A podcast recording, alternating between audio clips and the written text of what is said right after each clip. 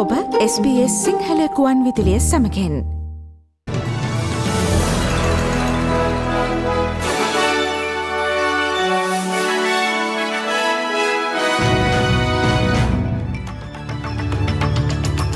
මෙන්න මුලින්ම සිරස්තල. ඔස්ට්‍රේලයානු ෆෙඩරල් මැතිවරණයට පෙර පැවැත්වුණු මොරිසන් ඇල්බනිසි අවසාන විවාදයේදී අවම වැටුප් අනුපාතය පිළිබඳව විශේෂවධානයක්. නාසී ස්වස්තික සංකේතය ප්‍රසිද්ධ ස්ථානවල භාවිත කිරීම තහනම් කළ ඔස්ට්‍රේලියාවේ පළමු ප්‍රාන්තය බවට වික්ටෝරියාව පත්වෙයි. ජනතපති ගෝටාබේ රාජපක්ෂ ජාතියාමතයි. නව අගමතිවරයෙක් සහ අමාත්‍ය මණ්ඩලය මේ සතියේදී පත්කරන බවට ප්‍රතිඥා. ශ්‍රී ලංකාවේ පවතින කලාකාරී වාතාවරණය හේතුවෙන් එළඹෙන ඔස්ට්‍රේලයා ශ්‍රී ලංකා ක්‍රිකට් තරගාවලීට සහභාගීවීම පිළිබඳව සලකා පලිමින් සිරින බව ක්‍රිකට් ඔස්ට්‍රේලයා ක්‍රියයි.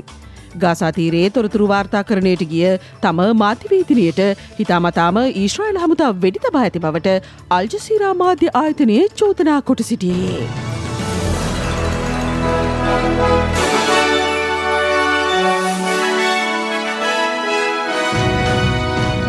SBS සිංහල සේවේ අද ප්‍රවෘතිගෙනන මම දිනේශාදිල් රුක්ෂී විජේසූරිය.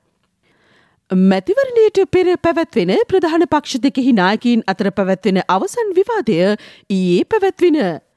අග්‍රාමාත්‍යවරයා සහ විපක්ෂනායකවරයා චැනල් සෙවන් නාලිකාවේ තුන්වන විවාදයට සහභාගී වුණු අතර එහිදී වැටුප් සහ ජීවන වියදම යන කරුණු ප්‍රධානත්වයක් ගෙන තිබින.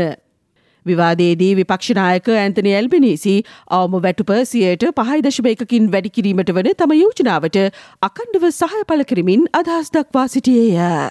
Because people are doing it really tough out there. The cost of everything is going up the cost of food and vegetables and meat, the essentials in life. The idea that after everything we've been through in the pandemic, minimum wage workers would get a real wage cut is something that I don't support. කෙසේ නමුත් Scott මෝරිසන් තර්ක කොට සිටියේ කුඩා ව්‍යාපාරවලට මෙවැනි වැටුප් වැඩිවීමක් දැරිය නොහැකි වනු ඇති බවායි. Small business, in the submission that the government made to the Fair Work Commission, we don't tell them what to do. But we inform them about what's going on in the economy. And small businesses are doing it incredibly tough.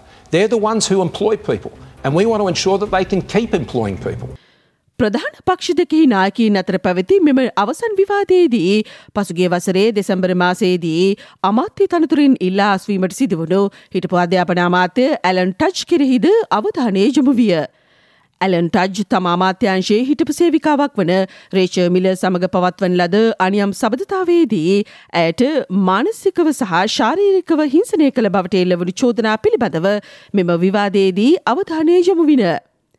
රේච මිල හට වන්දිගෙවීමක් ලෙසට බදුගෙවන්නන්ගේ මුදල් ඩොල ලක්ෂ පහකට වඩා වැඩි මුදලක් ගෙවීමට කටයුතු කොට ඇත්තේ මන්දැයි අගමැති මොරිසන් වෙතින් විමසා සිටි අතර එහිදී ඒ පිළිබඳව අදහස් දැක්වීම අගමැතිවරයා ප්‍රතික්ෂේප කළේය. කෙසේ නමුදු ස්කොට් මොරිසන් මෙම විවාදයේදී තහවුරු කොට සිටියේ ජලී බලයට පත්වුවහොත් ඇලන් ටජ් නැවත අධ්‍යාපන අමාත්‍යංශයට පිළිගන්නා බවයි. Stuart Robert is the acting education minister. But who's the Mis- education Mis- minister? Mr Tudge has stood aside from that role for personal reasons. The idea that we don't know who the education minister, Alan Tudge. It will be Alan Tudge. බටහිර ඔස්ට්‍රලයානු ප්‍රාන්ත රජයේ අයවැය වාර්තාව අද ඉදිරිපත් කිරීමට නියමිතයි. මෙවර අයවැයින් පතල් හිමිකරුවන් වෙතින් ලැබෙන හිමිකාරීත්ව මුදල් සහ වැඩිදිවුණු කළ බදු අයකිරීම් මගින් ලැබුණු මුදල් හරහා ප්‍රාන්තය වෙනුවෙන් වර්තාගත අයවැය අතිරික්තයක් සහිත අයවැය වාර්තාවක් අද භර්දීමට නීමිත බවද සඳහන්. මෙවර අයවැයෙන් නව්‍ය ශේත්‍ර කෙරෙහි මුදල් වෙන් කිරීම් පිළිබඳව අවධානය යොමුකොට තිබේ. ඒ අතරට සෞඛ ශේත්‍රයේ නව අංශ සහ විදුලු බලයෙන් ක්‍රියා කරන මෝටර් රථ සඳහා වන වාහන වට්ටම් ලබාදීම ආදී නව ශේත්‍ර කෙරෙහි මුදල් වියදම් කිරීමේ පීවර සඳහා මාක් මැක්ගුවන්ගේ ප්‍රාන්තාණ්ඩුව ඩොල බිලියන ගණනක් වෙන් කරන බව නිවේදනය කර ඇත. කම්කරු පක්ෂ රජයක් පවතින බටහිර ඔස්ට්‍රේලයා ප්‍රාන්තේ නායකයා පවසන්නේ තම ප්‍රධාන අවධානය ජීවන වියදම් පීඩනය අඩු කිරීම සඳහා වන බවයි. නාසී ස්වස්තික සංකේතය ප්‍රසිද්ධ ස්ථානවල භාවිත කිරීම තහනම් කළ ඔස්ට්‍රේලියාවේ පළමු ප්‍රාන්තය බවට වික්ටෝරියාව පත්වේ. මෙම සංකේතය භාවිත කිරීම තුළින් බතුවන යුදෙව් ජාතිකයන් කෙරෙහි වන විරෝධය සහ වෛරය මැඩ පැවැත්වීම මෙම තහනමෙහි මූලික අරමුණ වී තිබේ. මෙම ස්වස්තික සලකුණ චේතනාන්විතව ප්‍රසිද්ධ ස්ථානවල ප්‍රදර්ශනය අවහිර කිරීමට සහ එසේ සිදු කිරීම සාපරාධී පරදක් බවට පත් කිරීමට අවශ්‍ය නීති ඇතුළත් කෙටුම් පතක් ගැනීමට වික්ටෝරයා ප්‍රාන්තාණ්ඩුව කටයුතු කරමින් සිටී. මෙමගින් නාසි සහ නව නාසි මතවාදයට එරෙහිව ප්‍රබල පණවිඩයක් සමාජීවිත සංනිවේදනය වන බව වික්ටෝරයා ප්‍රාන්ත රජය පවසායි.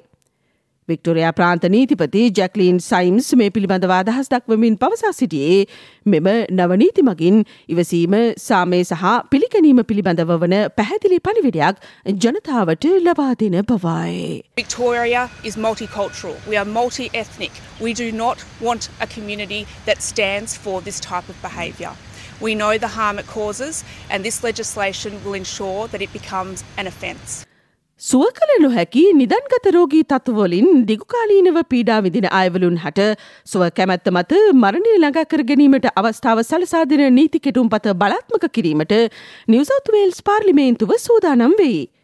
දැනට මෙම නීතිය සම්මත නොවූ එකම ප්‍රාන්තය වන්නේද නිවසෞත්වේල්ස් ප්‍රාන්තයායේ. ප්‍රාන්තේ ඉහළ මන්ත්‍රී මණ්ඩලය ඒ රාත්‍රයේදී මේ සඳහා චන්දය භාවිත කළ අතර එය විස්සට දා හතක් ලෙසට ආසන්න චන්දයකින් මෙම ස්වේච්චාවෙන් මියයාම නීතිගත කිරීම සඳහා වූ පනත් කෙටුම් පත අනුමතව තිබේ. එහෙත් පනත් කෙටුම් පතේ දෙවනවර කියවීමේ අධීරයේ සංශෝධන තවමත් විවාදයට ගැනීමට නියමිතව තිබේ.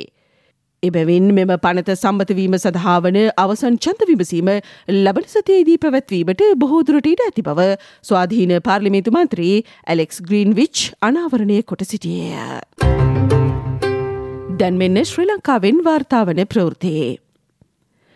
රටේ ජනතාවගේ විශ්වාසය හිමිකරගත් අග්‍රාමාත්‍යවරයෙක් සහ නව ආණ්ඩුවක් පිහිටවීමට මෙම සතය තුළදී කටයුතු කරන බව ජනාධිපති ගෝටාබේ රාජපක්ෂ මහතා ඊයේ දිනේදී ජාති අමතා විශේෂ ප්‍රකාශයක් සිදු කරමින් පැවසීය. මෙම අවස්ථාවේදී රජයේ මූලික වගකීම සියලුම පුරවැසියන්ගේ ආරක්ෂාව තහවුරු කිරීම බවත් එම ක්‍රියාවනට එරෙහිව නීතිය දැඩිව ක්‍රියාත්මක කරන ලෙසට ත්‍රවිධ හමුදාවට සහ පොලිසියට දැනුම් දී තිබෙන බවත් ජනාධිපතිවරයා එහිදී ප්‍රකාශ කොට සිටියේය. වර්තමාන තිබෙන තත්ත්වය පාලනය කරන්න වගේම රට අරාජිකත්වයට පත්වීම වලක්වා ගන්න දැනට ඇනහිට තිබෙන රජයේ කටයුතු පවත්වාගෙන යාමට නව ආණ්ඩුවක් පිහිටුවීමට මා කටයුතු කරමින් සිටිනවා. මම මේ සතිය තුළ පාර්ලිමේන්තුවේ බහුතරයගේ විශ්වාසය දිනාගත්තු. එවගේම රටේ ජනතාවගේ විශ්වාසය තහවුරු කරගන්නට පුළුවන් අග්‍රාමාත්‍යවරෙක් සහ අමාත්‍ය මණ්ඩලයක් පත්කිරීමට කටයුතු කරනවා. ඊට පස්සේ පාර්ලිමේන්තුවට වඩා බලතල ලැබෙන ආකාරයට දහනම වන සංශෝධනී අන්තර්ගත දෑ නැවත බලාත්මක වන පරිදි විවස්ථා සංශෝධනයක් කිරීමටද මා කටයුතු කරනවා. පත්වන නව රජයේ අගමැතිවරයාට නව වැඩපිළිවෙලක් ඉදිරිපත් කල්ලා රට ඉදිරියට ගෙන යනට අවස්ථාව සලසා දෙන. ඒ වගේම විවිධ පාර්ශවවලින් ජනාධිපති ක්‍රමය අහෝසි කරන ලෙසත් ඉල්ලීම් ලැබී තිබෙනවා. සියලු දෙනා සමගම සාකච්ඡා කල්ල ඒ සඳහා කටයුතු කිරීමටත් ඉඩ ප්‍රස්ථාව සලසා දෙනවා. ශ්‍රී ලංකාවේ මීළඟ අගමැතිවරයා ලෙසට එක්සත් ජාතික පක්ෂනායක රනිල් වික්‍රමසිංහ මහතා පත්වීමට බොහෝදුරට ඉඩ ඇති බවට වාර්තාවේ. අද හෝ හෙට දිනය තුළදී ඔහු නව අගමතිවරයා ලෙසට පත්වීමට ඉඩ ඇති බවද සඳහන්. රටේ ඇතිවී තිබෙන අර්බුදය විසිදීම සම්බන්ධයෙන් ජනාධිපති ගෝටාබී රාජපක්ෂ සහ රනිල් වික්‍රමසිංහ අතර පෙරේදා දිනේදී සාකච්ඡාවක් පවත්වා ඇති අතර අද දිනේදීද තවත් සාකච්ඡාවක් පැවැත්වීමට නියමිතව තිබේ. රට මුහුණ පාඇති අර්බුදයෙන් මුදවා ගැනීම සඳහා තමන් සතුව නිශ්ිත වැඩපිළිවෙලක් ඇතැයිද වික්‍රමසිංහ මහතා විසින් එහිදී ප්‍රකාශ කොට තිබේ. මේ අතර රනිල් වික්‍රමසිංහ මහතාට පාර්ලිමේන්තුවේ බහුතර කැමැත්ත ප්‍රකාශ කිරීම සඳහා ශ්‍රී ලංකා පොදු ජන පෙරමුණ සමකි ජනබලවේගේ මන්ත්‍රීවරුන්ගෙන් කොටසක් සහ තවත් පක්ෂ කිහිපයක මන්ත්‍රීවරුන් මේ වන විටත් කැමැත්ත ප්‍රකාශ කර තිබෙන බව දේශපාලන ආරංචි මාර්ග වාර්තා කොට සිටී. මේ අතර විපක්ෂනායක සජිත් ප්‍රේමදාස සහ ජනතා විමුක්ති පෙරමුණු නායක අනුරකුමාර දිසානායකයන අයවලුන්ද අගමැති තනතුර භාර ගැනීම සඳහා කැමැත්ත පල කොට තිබේ. ඒද ජනාධිපති ගෝටාබේ රාජපක්ෂ ඉවත් වූ හොත් පමණක් එම තනතුර භාරගන්නා බවට ඔවුන් දෙදෙනාම ප්‍රකාශ කොට ඇත. මේ අතර සමගී ජනබලවේගෙන් ඉවත්ව ස්වාධීනව කටයුතු කරන බව පාර්ලිමේන්තු මන්ත්‍රී හරින් ප්‍රනාන්දු ප්‍රකාශ කොට තිබේ. පවතින දේශපාලන අර්බුදය සම්බන්ධයෙන් පක්ෂනායකත්වය සමඟ දිගින් දිගටම සාකච්ඡා කළද නිසි විසඳුමක් නොලැබීම හේතුවෙන් මෙම පීවරගත් බව හරින් ප්‍රනාන්දු මන්ත්‍රීවරයා සඳහන් කොට ඇත. මුළු ශ්‍රී ලංකාවටම බලපවත්වන පරිදි දැනට පනව ඇති ඇඳරි නීතිය අද ශ්‍රී ලංකාවේලාවෙන් පෙරවරු හතට ඉවත් කරන බව ජනාධිපති මාධ්‍යංශයේ නිවේදනයක් නිකුත් කරමින් දන්වා තිබේ.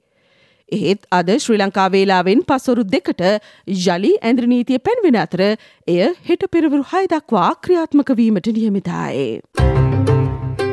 දැන් විදිස් ප්‍රවෘතයේ.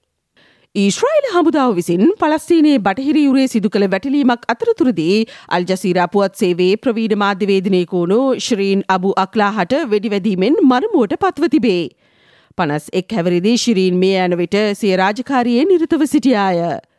ඒ මොහොතේදී ඇය ප්‍රෙස් යනුවෙන් පැහැදිලිව සඳහන් වූ මාධ්‍යවේදීන් පළඳින කබායකින් සැරසී සිට තිබුණද ඊශ්‍රයිල් හමුදාව ඇගේ හිසට හිතාමතාම මෙම වෙඩි ප්‍රහාර එල්ලකොට ඇති බව අල්ජසිරා මාධ්‍යායතනයේ චෝදනා කොට සිටී. එසේම ශිරීන්ගේ කුරිරු ඝාතනය හෙලා දකින බවට නිවේදනයක් නිකුත් කරමින් අල්ජසීරා පුවත් සේවේ ප්‍රකාශකොට සිටින්නේ මෙම ඝාතනය සම්බන්ධව අන්තර්ජාතික අවධානය යොමු විය යුතු බවයි. මෙම ඝාතනය සම්බන්ධව කඩිනම් හා ස්වාධීන පරීක්ෂණයක් පවත්වන ලෙසට යුරෝපා සංගමේද ඉල්ලීමක් කොට ඇති අතර ගැටුම් වාර්තා කරන මාධ්‍යවේදීන්ගේ ආරක්ෂාව තහවුරු කිරීම අත්‍යවශ්‍ය බවද ප්‍රකාශ කොට තිබේ. දැන් ක්‍රීඩා ප්‍රවෘතියේ. ශ්‍රී ලංකාව තුළ මේ වන විට පවතින නොසන්සුන්කාරී වාතාවරණය පිළිබඳව සියුම් ලෙස නිරීක්ෂණය කිරීමෙන් අනතුරුව ඔස්ට්‍රේලයානු ක්‍රිකට් කණ්ඩායමේ මීළඟ ශ්‍රී ලංකා සංචාරය සම්බන්ධයෙන් අවසන් තීරණයකට එළබෙන බව ඔස්ට්‍රලයානු ක්‍රිකට් ආයතනය සඳහන් කොට තිබේ. විසයි විස තරඟ තුනකින් එක් දින තරඟ පහකින් සහ ටෙස්ට් තරඟ දෙකකින් සමන්විත සති හතක දීර්ඝ සංචාරයක නිරතවීම සඳහා ඔස්ට්‍රලයානු ක්‍රිකට් කණ්ඩායම් කීපයක් එළඹෙන ජූනි සහ ජූලි මාසවලදී ශ්‍රී ලංකාවට පැමිණීමට නියමිතව තිබින. මෙම තරඟ සංචාරයට අය තරඟවලින් විසයි විස තරඟ දෙකක් එක් දින තරඟ තුනක් සහ ඒ කණ්ඩායම් අතර පවතින තරඟ දෙකක් පැවැත්වීමට නීමිත ඇත්තේ මෙම දරුණු ප්‍රචණ්ඩ ක්‍රියාසිදුවුණු කොළඹ නගරේ දීවීමද ඔස්ට්‍රලයානු ක්‍රිකට් ආයතනයේ දැඩි අවධානය යොමු ඇතැයි වාර්තාවේ. අදත් අපි ඔබට ප්‍රධාන විනිමය අනුපාතික ගෙනන්නේ ඔස්ට්‍රලයානු ඩොල්රයට සාපේක්ෂවයි. ඇමරිකානු ඩොල ශත හැට නවය බ්‍රතාාන පවම් ශත පනස්සතයි යුරෝ ශත හැට හයයි ජපන්නෙන් අනුවයි ශත හතයි. ශ්‍රී ලංකාරුපියල් දෙසිය හතලිස් නවයයි ශත හතලිස් හතයි. ඔස්ට්‍රලියාවේ ප්‍රාන්ත සහ ටෙරටරිවල අගනගරාශ්‍රිතව අද කාලගුණේ වාර්තා වන්නේ මේ අයුරින්. පර්ත්වලට දරුණු වැසි ඇතිවන දත්වයක් සෙන්ටිග්‍රේඩ් අංශක දහටයි උෂ්ණත්වය. ඇඩ්ලේඩ් වලට තරමක් වලාකුළු සහිත උෂ්ණත්වය අංශක විස්සයි. මෙල්බන් වලට සුළු වැසහිත තත්ව කඩින් කඩ ඇතිවීමේ තත්වයක් සෙන්ටිග්‍රේඩ් අංශක දහනවය උෂ්ණත්වය. හෝබාට් වලට වලාකුළු සහිතය අංශක දහනවයයි. කැන්බරාවලට වැසි සහිතයි උෂ්ණත්වය අංශක දාහතයි. සිඩ්නිවලට කඩින් කඩ වැසි ඇතිවන දවසක් සෙන්ටිග්‍රේඩ් අංශක විසිතුනයි. බ්‍රිස්බේන් වලට වැසි සහිතයි අංශක විසි හතරයි. ඩාවින් වලට තරමක් වලාකුළු වලින් බර උණු දවසක් සෙන්ටිග්‍රේඩ් අංශක තිස් දෙකයි. ශ්‍රී ලංකාවේ කොළඹ ආශ්‍රිත ප්‍රදේශවල අද කාලගුණේ වාර්තාවන්නේ සෙන්ටිග්‍රේඩ් අංශක 30ක උෂ්ණත්වයක් කඩින් කඩ සුළු වැසි සහිත තත්වයක් ඇතිවන දිනයක් ලෙසින්.